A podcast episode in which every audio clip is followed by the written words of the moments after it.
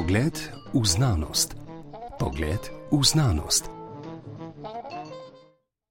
Tokrat je moj gost biolog dr. Rok Šturm z Nacionalnega inštituta za biologijo oziroma z oddelka za raziskave organizmov in ekosistemov. Pred mikrofonom sem Goran Tenze. Danes bova govorila o vibracijski krajini, odkrivanju skritega sveta sporazumevanja s tresljaji. Namreč eh, nedavno je bil v neki pomembni mednarodni tovrstni reviji objavljen članek, je pa to pravzaprav osnova tudi bila vašega doktorata, ki ste ga zagovarjali leta 2021. Vi ste se ukvarjali s snemanjem s posebnimi napravami na travniku, eh, kar je bil novum, ker doslej so te živalce, ki se sporazumevajo z vibracijami, eh, snemali, so jih ulovili in jih snemali v laboratorijih. Vi ste šli pa na teren. Ne? Tudi po zaslugi, kot ste rekli prej, seveda tehnologije snemanja. Ta študija, ki je bila potem objavljena, kot rečeno, ne bi bila pionirska študija ekološkega konteksta vibracijske komunikacije. Ne? Torej, govoriva o vibracijski krajini. Zakaj pravzaprav gre? Pri vibracijski krajini gre za en tak paralelen svet, ki ga ljudje ne moramo zaznavati, ker za to nimamo čutnic, ampak si ga lahko predstavljamo uh, podobno kot uh, poznamo zvočno krajino. Uh, okoli nas se pojavljajo zvoki. Um, in če zapremo oči, mi te zvoke slišimo, in to je nekako neka zvočna krajina. Zdaj, um, vibracijska krajina je pa v bistvu so pa vse te vibracije, ki nas obdajajo, ki pa jih pač mi ne zaznavamo, ker nimamo čutnic za to, kot jih recimo imajo žuželke. Um, Pravzaprav mi, vi ste to snemali v glavnem v toplejših mestih, seveda, ker takrat se to bolj sliši, a ne po zimi, ko je vse prikrito snegom, vse pri nas. Snemali ste pa tukaj na Ljubljanskem barju. Slišimo murne. Na obali so škržati različne sorte, ampak vi ste snemali murne, na, mislim, ki se jih sliši. Ne? Mi jih slišimo. Ne? Vibracijska krajina so pa neke druge živalce. Kako in, deluje ta komunikacija in kaj ste vedeli doslej o tem? Ja, točno tako. Um, murni, ki jih vsi dobro poznamo, uh, oddajajo zvoke in se sporozumevajo z zvokom, tako podobno kot mi ljudje. Uh, Mi smo se pa osredotočili na druge vrste žuželk, ki pa ne uporabljajo zvočnih signalov, ampak uporabljajo ti vibracijske signale. Pri tem gre za v bistvu tresenje podlage, se pravi, gre prav tako za mehansko valovanje, ki pa se prenaša po podlagi, po trdni podlagi, in v tem primeru so to najpogosteje rastline, na katerih te žuželke živijo. Uh, Kaj ti uh, vemo, da se v bistvu več kot 70 uh, odstotkov vseh žuželk, ki nas pač obdajajo, ne? in žuželke so res ena najbolj raznolikih skupin živih biti in tudi zelo podob, uh, pomembnih v, v našem okolju. Uh, v bistvu 70 odstotkov teh žuželk pa uporablja prav tak, se pravi, način sporozumevanja med sabo s tresljaji podlage, z vibracijami. Oziroma, zakaj je pomembno za razumevanje ekološkega konteksta poznati uh, te tresljaje, ne? torej to vibracijsko krajino. Ne? Pač ta vibracijska krajina nam lahko, nam ljudem, da eno informacijo o, ne vem, bodi si o stanju okolja, uh, podobno kot uh, recimo to počnejo raziskovalci z zvokom, kjer uh, pač snemajo zvoke in na podlagi zvokov bodi si ocenjujejo prisotnost določenih vrst ali pa pač ocenjujejo nek, eh, neko stanje okolja. Tako počnemo to tudi lahko z vibracijami. In ker smo rekli, da v bistvu. To večji delež žuželk uporablja vibracije eh, v primerjavi z zvokom, a ne so v bistvu ti podatki še toliko bolj natančni in nam lahko toliko več povejo o okolju kot sam zvok. Uh mhm. -huh. V tej reviji, ki bil ta članek objavljen, je ameriška profesorica eh, Peggy Hill ja. Eh, napisala, da je to pionirska študija. Ne?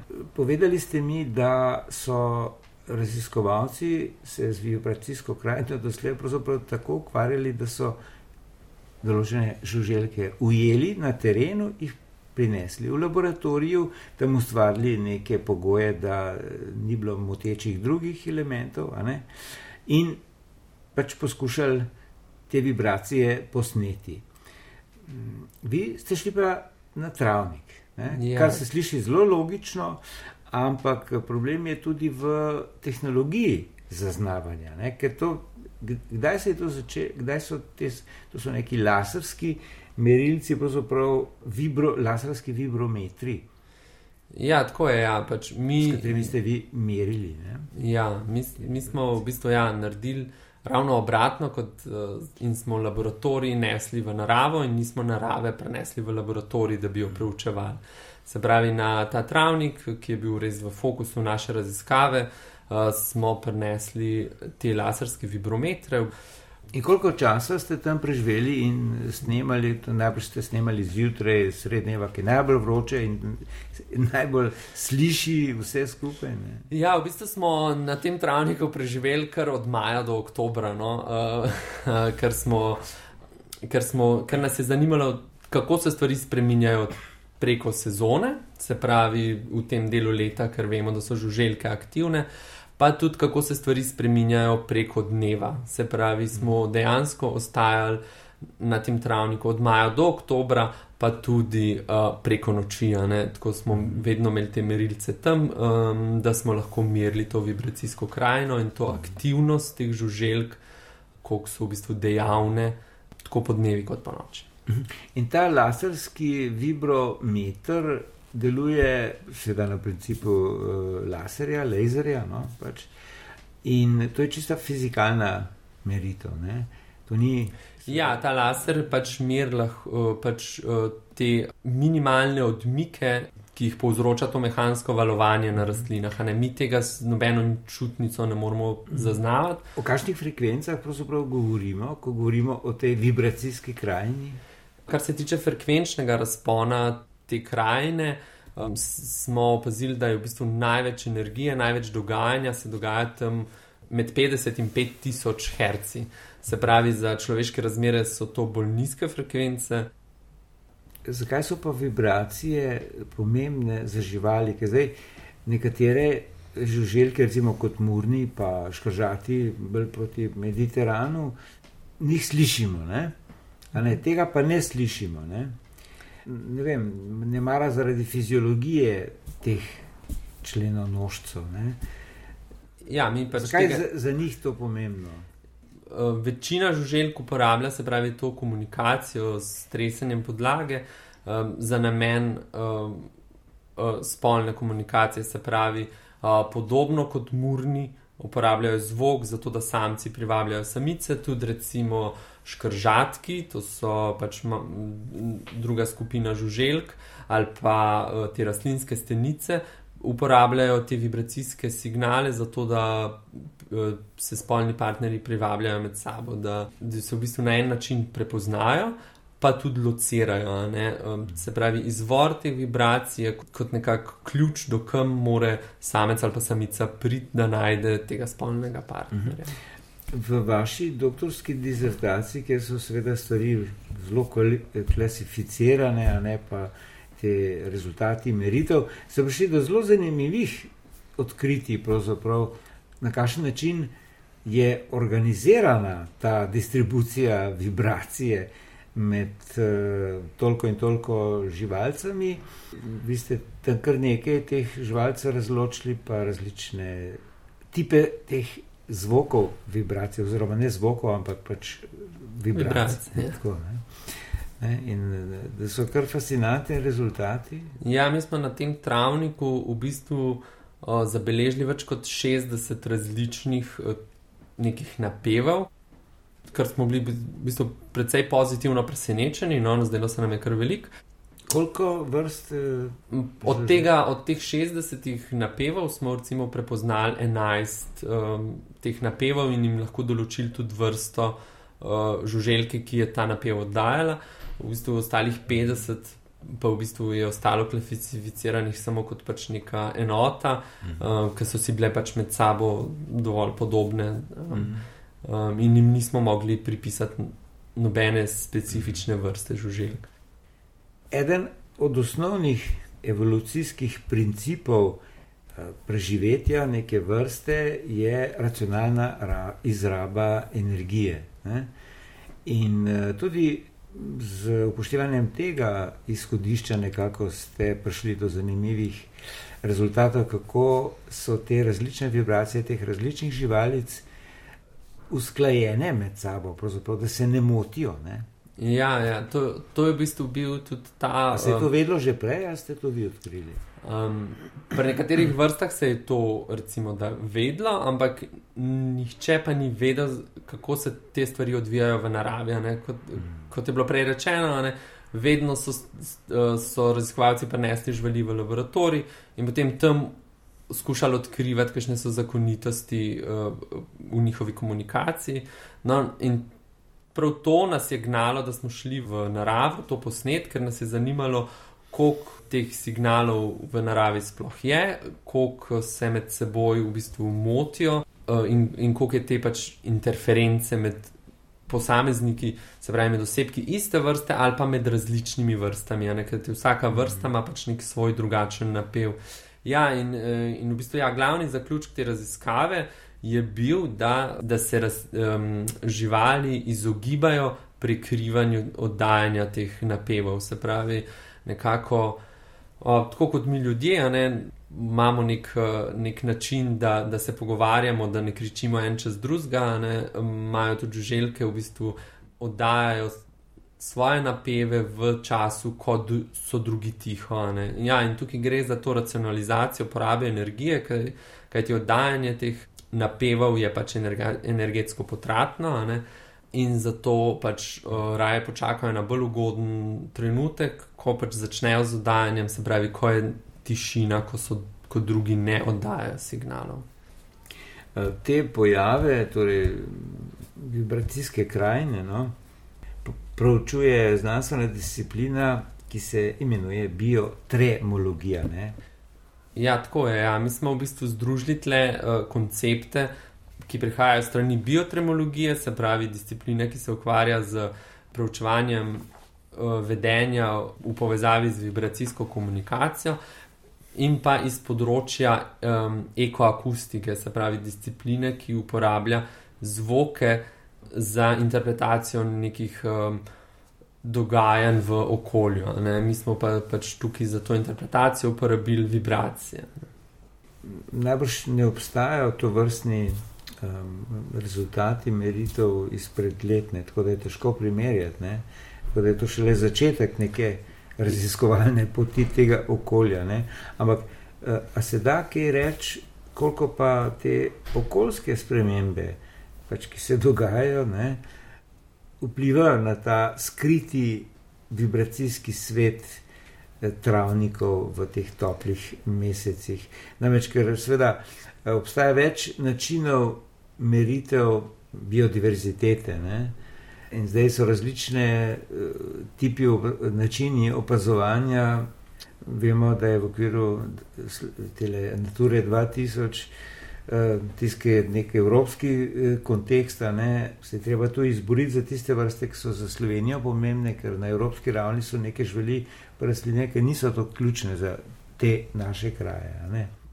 Ja, dejansko je, je pač ta študija tako pionirska, da ne moramo nič sklepati na to, kakšna je bila recimo vibracijska krajina. Hmm v preteklosti. Zdaj pa lahko rečemo, da je manj vrst ptičev, a ne to pa imamo. Ne? Tako da ptiči se pa hranijo z žuželjkami. Ja, seveda, pač, uh, to je pač ena od prednosti, ne, da dodamo v, v naše razumevanje okolja, pač, ki nas obdaja, še en nov aspekt, nov pogled, ki nam bo pač mogoče dodal en, en nov vidik, kako bomo na stvari gledali. Hkrati pa ja, pač prav za to področje nimamo primerljivih podatkov iz preteklosti. Zdaj mi se trudimo, da bi naredili študije v bolj, um, recimo, temu ohranjenih delih narave, pa mogoče v bolj degradiranih okoljih in naredili zdaj neke primerjave. Ne? Ampak je pa sigurno to ena zelo pomembna točka, na katero se bomo pa pač mogoče lahko v, pre, v prihodnosti opirali na njo. Ne. Zdaj, mi se, nas tudi zelo zanima, ker ta študija je bila vseeno opravljena na pač travniku na Ljubljanskem barju. In nas zanima tudi, kako se stvari dogajajo, kaj se dogaja pač v nekih drugih habitatih, mogoče v drugih koncih Slovenije, Evrope, tudi mm. sveta, ne, um, da bomo imeli neke primerljive študije. No, ker vi ste te meritve izvajali, to že kar ne 4-5 let nazaj, ne? leta 17, če se. Ja, motim, prav samo terensko delo je terensko bilo upravljeno, delo, ja, je bilo upravljeno mm. 2017. Um, imamo pa od takrat v bistvu naprej uh, kar kontinuirane podatke za to lokacijo. Mm. Ampak ja, seveda je pa analiza teh podatkov precej dolgo, oziroma začetki analize so bili precej dolgotrajni, no zdaj se tudi ukvarjamo s tem, da bi za samo analizo uporabljali neko strojno učenje, se mhm. pravi pomoč neke sodobne tehnologije, ki bi seveda pohitrila cel, celotna zadeva, ne, da bi pač lahko dejansko mogoče nekoč v, v nekem uh, takojšnjem času dobivali tudi informacije direktno iz okolja. Um. No, zanimiv izziv, ne? poznate koga na, pri vaših sosedih? Ja, ja že, že sodelujemo. Z algoritmi operirati. Ja, ja, že sodelujemo z, z skupino. Prav tle, ja, na FRI. Koliko ste doslej razširili to smer eh, razmišljanja, eh, iskanja novih aspektov, v tem primeru pač vibracijske krajine?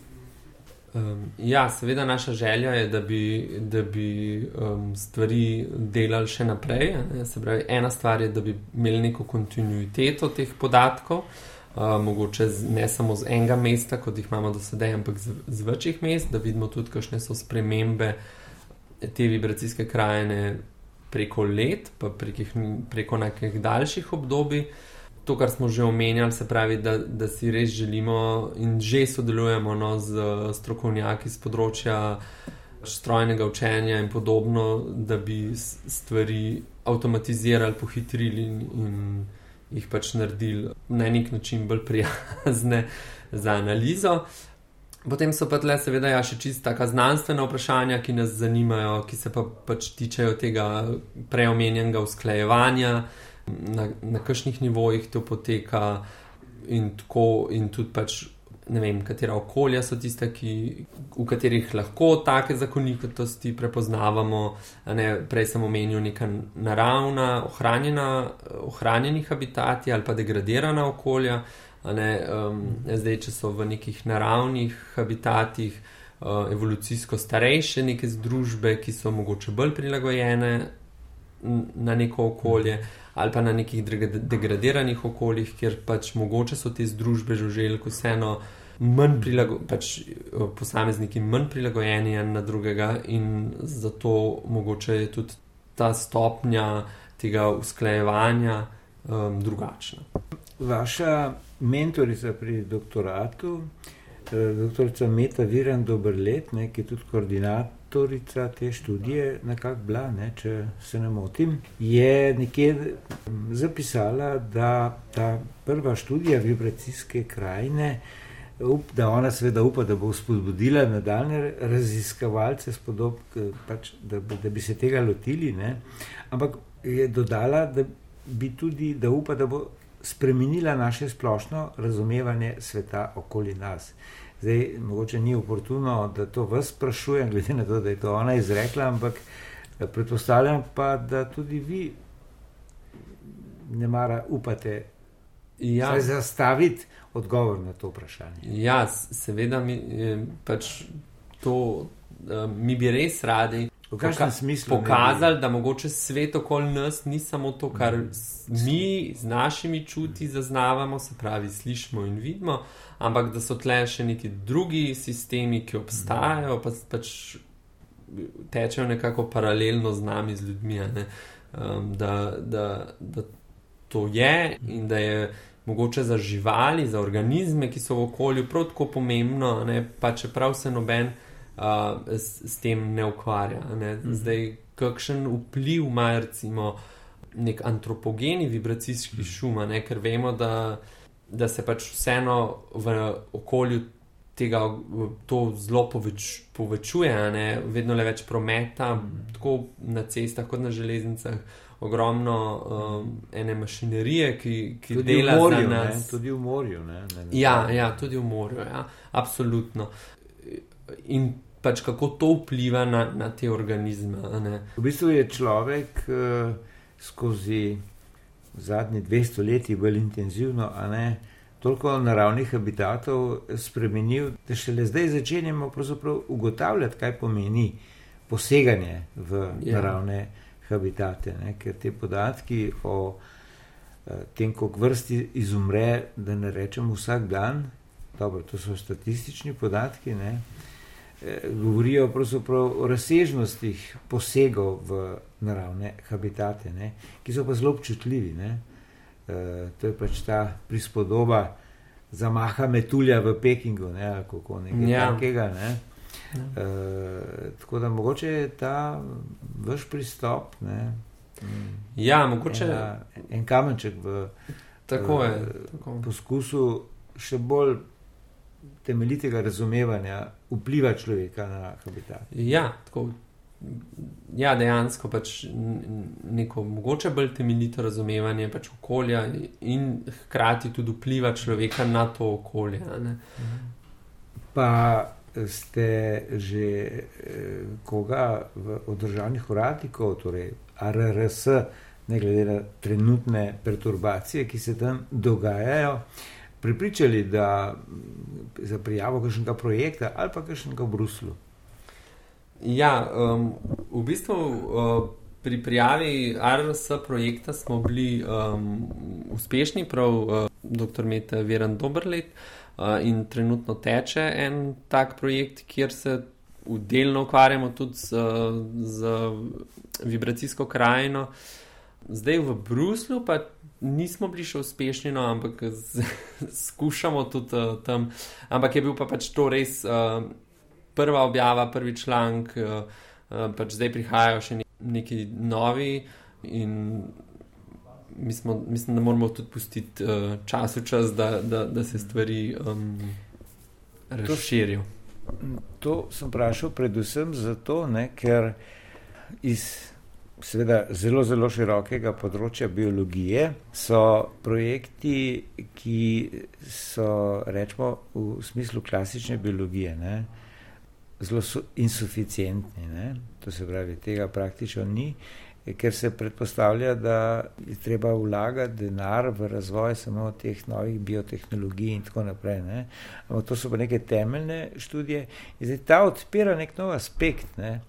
Mogoče zato Mogoče smo bili prav pač zaradi pač tega res novega načina, novega aspekta uspešni, da so recenzenti pač prepoznali to kot, um, kot res novo stvar. Jaz uh, upam, da boste nadaljevali še in ustrajali predvsem na teh uh, raziskavah uh, doslej precej nepoznane vibracijske krajine. Uh, Dr. Rok Šturem, Katera območja v Sloveniji pa mislite, da bi bilo najbolje še v tem smislu, ki ste doslej to nekaj let nazaj bili na terenu raziskati? Prej ste omenjali območja, ki so eventualno bolj degradirana, ne? da se vidi pač, kaj se eh, tam dogaja. Ne? V Sloveniji bi nas v bistvu zanimala ja, tako območja, ki so uh, res ohranjena, ohranjena kot pač uh, tudi uh, degradirana, ker nas pač zanima ta res primerjava. Ne? Ker se pravi, da je tako malo znanga, ne? da, da v bistvu težko karkoli sklepamo. In ker nimamo te. Ni referenc, ne. Tako ni referenc, in tudi ker ni, nimamo tega takojšnjega občutka, kako stvar je, ne? kot recimo imamo. Um, če nekam pridemo in pogledamo, ne, moramo vseeno pač opraviti te meritve in jih zanalizirati, in šele potem pridemo do, do neke informacije, ne, kako je. Ne moramo to zelo na hitro oceniti. Tako da bi nas res te primerjave um, zanimale. Hvala lepa za ta pojasnila, dr. Rok Šturem, za oddelka za raziskave organizmov in ekosistemov na Nacionalnem inštitutu za biologijo. Ja, hvala, ker sem bil lahko vaš gost. Tele pogovor pa sem pripravil Goran Tenze.